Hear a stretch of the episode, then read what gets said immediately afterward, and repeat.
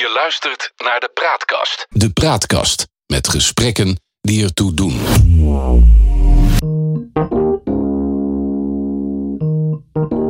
Dit is CNR, de podcast met Chris Wolters en Raymond Laurier.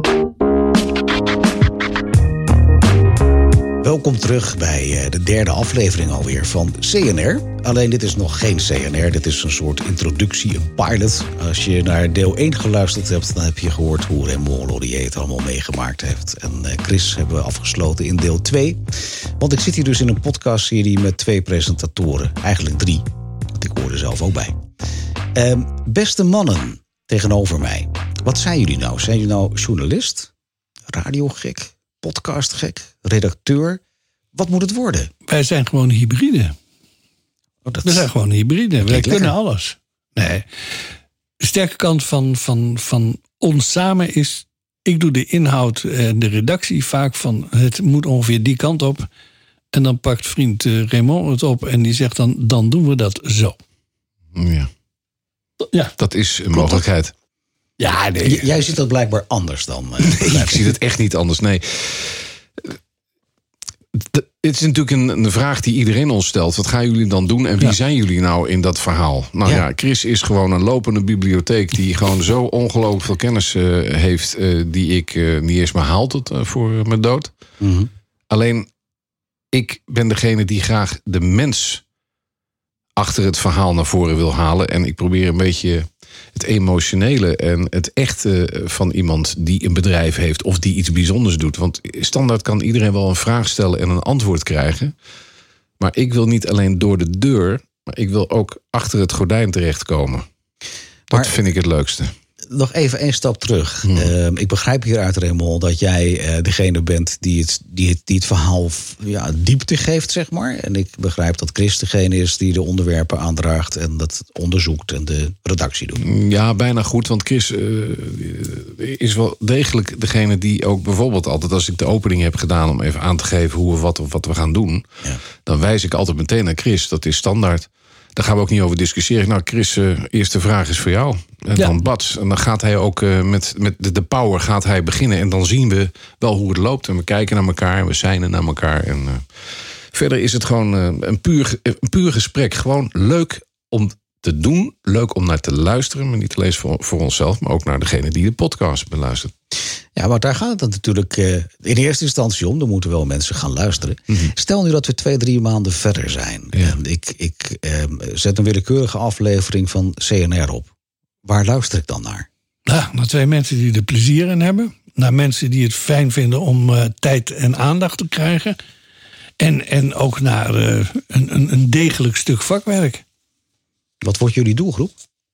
Nou, laten we zeggen, iets boven de 30. Dan heb je, dan heb je het over leeftijd. Maar het gaat me meer om van wie moet jullie luisteraar worden? Iedereen. Iedereen. Nee, dat is flauw. Maar er moeten gewoon mensen die, die überhaupt een beetje geïnteresseerd zijn in meer dan aan de oppervlakte blijven krassen. Want dat is natuurlijk wat de Nederlandse media op dit moment enorm kenmerkt. Er worden ontzettend veel leuke opmerkingen gemaakt. Er worden ontzettend veel onderwerpen aangedragen. En die gaan als een razende er doorheen. Maar het blijft krassen aan de oppervlakte. Het gaat nergens over. Maar jij wil de diepte in. Nou, ik wil in ieder geval als iemand, als iemand iets beweert, wil ik het ook nog de andere kant laten zien. Toch? Ja, en dat eh, omlijst met, eh, met humor, met eh, ja, gewoon ge- gezelligheid. Maar niet lulligheid kent geen tijd. Dat heb ik vroeger geleerd van Harold Piquet. Want dat eh, was toch niet waar je naartoe moest. Het moest wel wat inhoud hebben. En zeker gewoon dat het een interessant gesprek is. En ja, jongens, we gaan hier nou niet de grote jongens uithangen van... wij kunnen het allemaal veel beter. Dat wil ik ook niet. Daar heb ik helemaal geen trek in. Maar als het je bevalt, dan luister je. En dat hebben we toen ook gezien met die 50 uitzendingen... die we hebben gemaakt net toen de corona begonnen was. Ongelooflijk. We konden het dus landelijk uitzenden. En dat was gewoon... we hadden luisteraars in Rotterdam, in Leiden en noem maar op. En we kregen na de uitzending berichtjes terug van... wat heb ik weer genoten en wat leuk dat je die mensen hebt geholpen. En ik heb nog nooit zo'n gesprek gehoord. En denk ik, ja, maar wij praten en we vragen alleen maar... meer is het niet. Maar Maar met kennis van zaken en we Ja. maken geen lawaai bang. het. Nee, en niet mensen afmaken. Daar heb ik zo'n hekel aan. Bah, Mensen hun waarde laten. juist. Maar wat wil je wel? Wat, wat, wat voor nieuws wil je brengen? Dus ik ga eruit vanuit dat jullie ook nieuws en actualiteiten beschouwen, eh, verdiepen. Maar waar, waar, waar moet ik als voorbeeld Nou, vooral niet te serieus. Dat weet Chris ook. Nou, Jawel, we eh, moeten af en toe een beetje serieus zijn. We zijn wel de praatkast. Nee, we zijn heel serieus. Maar eh, als, als ik bijvoorbeeld hoor dat eh, mensen zeggen... het valt wel mee met eh, de, de klimaattoestanden...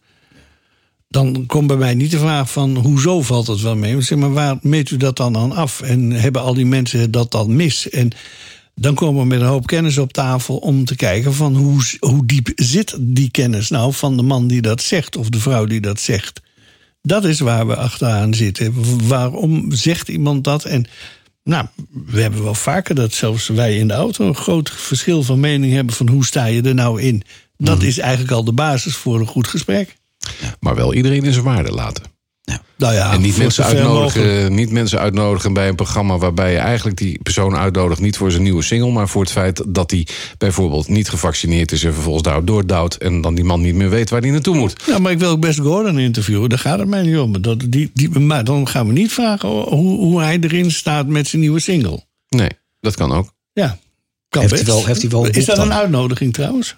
Dat weet ik niet, maar eh, volgens mij heeft hij de eerste tijd geen, eh, op de eerste jaren geen tijd. Hij verdwijnt toch? Waar is hij Nee, hij, is, hij heeft kantoor in, eh, in eh, hoe heet het? eh, Bussum? nee. nee, dat heeft hij ook, nee, hij is inmiddels naar het Midden-Oosten vertrokken. Ja, Naar de- ja, gaat trouwen binnenkort. Hij is eh, hij is toch in Qatar, is hij tegenwoordig? Dubai, dacht ik. Oh, Dubai. Nou ja, Ik dacht goed. Dubai, maar ik weet het niet zeker. Maar zou, zou Gordon een potentiële ehm, Nou, uitnodiging voor jullie Ja, krijgen? ja, ik zou Gordon best willen uitnodigen, maar dan moet Gordon er wel op rekenen dat het niet een, een, een, een 1 2 wordt.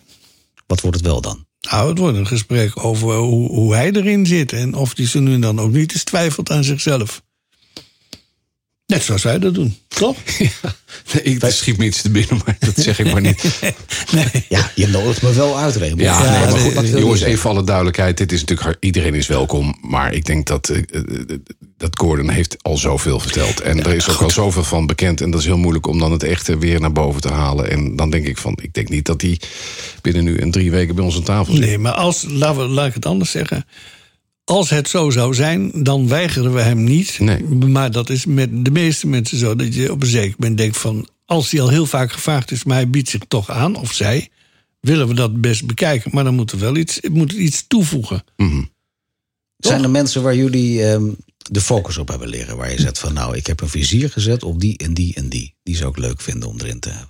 Nou, er zijn een heel aantal mensen die... ik- Ja, er zijn heel veel mensen die ik heel graag zou willen hebben. Variërend van eh, eh, eh, Rudolf Spoor, de, de, de oude, zou ik maar zeggen, regisseur, tot en met Brit. Ik zou ze allebei willen hebben.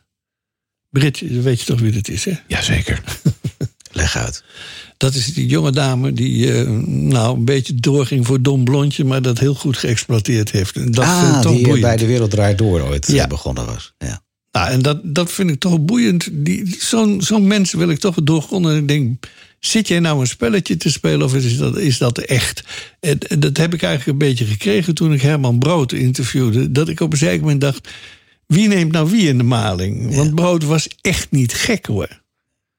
Nou, en dat was fantastisch toch? Ja, ik heb Herman hebt- drie keer, hem ook een ik heb hem keer drie keer, ja. drie keer voor de microfoon gehad. Ja. En uiteindelijk ging hij weg en toen lag er een rekening van 275 gulden. Want hij had twee flessen Grammar gedronken met melk voordat hij de uitzending inkwam. Dat eh, was toch wel iets te duur. Een biertje mocht van de, van de zaak waar we boven zaten, maar dat was te gek. Maar ik vind het ook Met- leuk, want met- je vraagt hem niet aan mij. melk? Ja, Cantro met melk, ja. En dat ging- lekker? Ja, dat weet ik niet. Moet je Goed voor je stem joh. Moet je ook eens proberen. Ja, misschien dat ik dan eindelijk een keer een echte stem krijg. Nee, maar Christy, je noemt een paar namen. Maar ik wil even duidelijk stellen dat het niet, ons niet gaat om alleen maar bekende Nederlanders voor eh, de microfoon te krijgen. Want we hebben een aantal die, die ideeën die we nu nog niet kunnen uitspreken. Maar die zijn in de maak. En dat zijn ook personen die je ook misschien wel van televisie kan kennen. Alleen het zijn hele bijzondere mensen die, die wil ik graag. Ik, daar wil ik alles van weten. En je weet waar ik het over heb. Dat heeft met antiek eh, te maken en zo. Ja, antiek, maar het kan ook zijn over erfelijkheidsleer. Maar het kan ook over, over eh, Hongarije gaan. Of, of eh, kent u Frankrijk? Of er zijn dingen waarvan je zegt dat jij had met dat antiek. Ja. Dat jij zei van weet je eigenlijk wel waar je het over hebt? Ja, dat Nee, weten we met z'n allen niet. Dat weten we niet en daar wil ik antwoorden op hebben. Ja. Maar los van dat, eh, je hebt een paar namen van Britten zo genoemd. Hij, hij is gek op vrouwen. Ehm, maar Bo, die heb ik vorig jaar zelfs een mail gestuurd. Omdat op een gegeven moment Bo, die had eh, voor het eind van het jaar... Over welke Bo heb je het? Bo ja, die, die had, die had zo'n waanzinnig eh, traject neergezet. En dan denk ik, ja, die jongen is zo gegroeid. En niet omdat ik wat ietsje ouder ben, want zo verschillen we niet.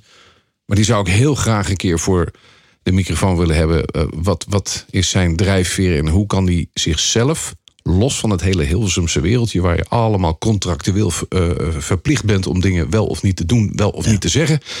Hoe doet hij dat en dat hij dat toch doet? Ik, ik, ik, eh, ik, ja, ik heb hem persoonlijk een mail gestuurd. Helaas geen antwoord gehad. Persoonlijk, ter attentie van Bo heb ik erboven gezet.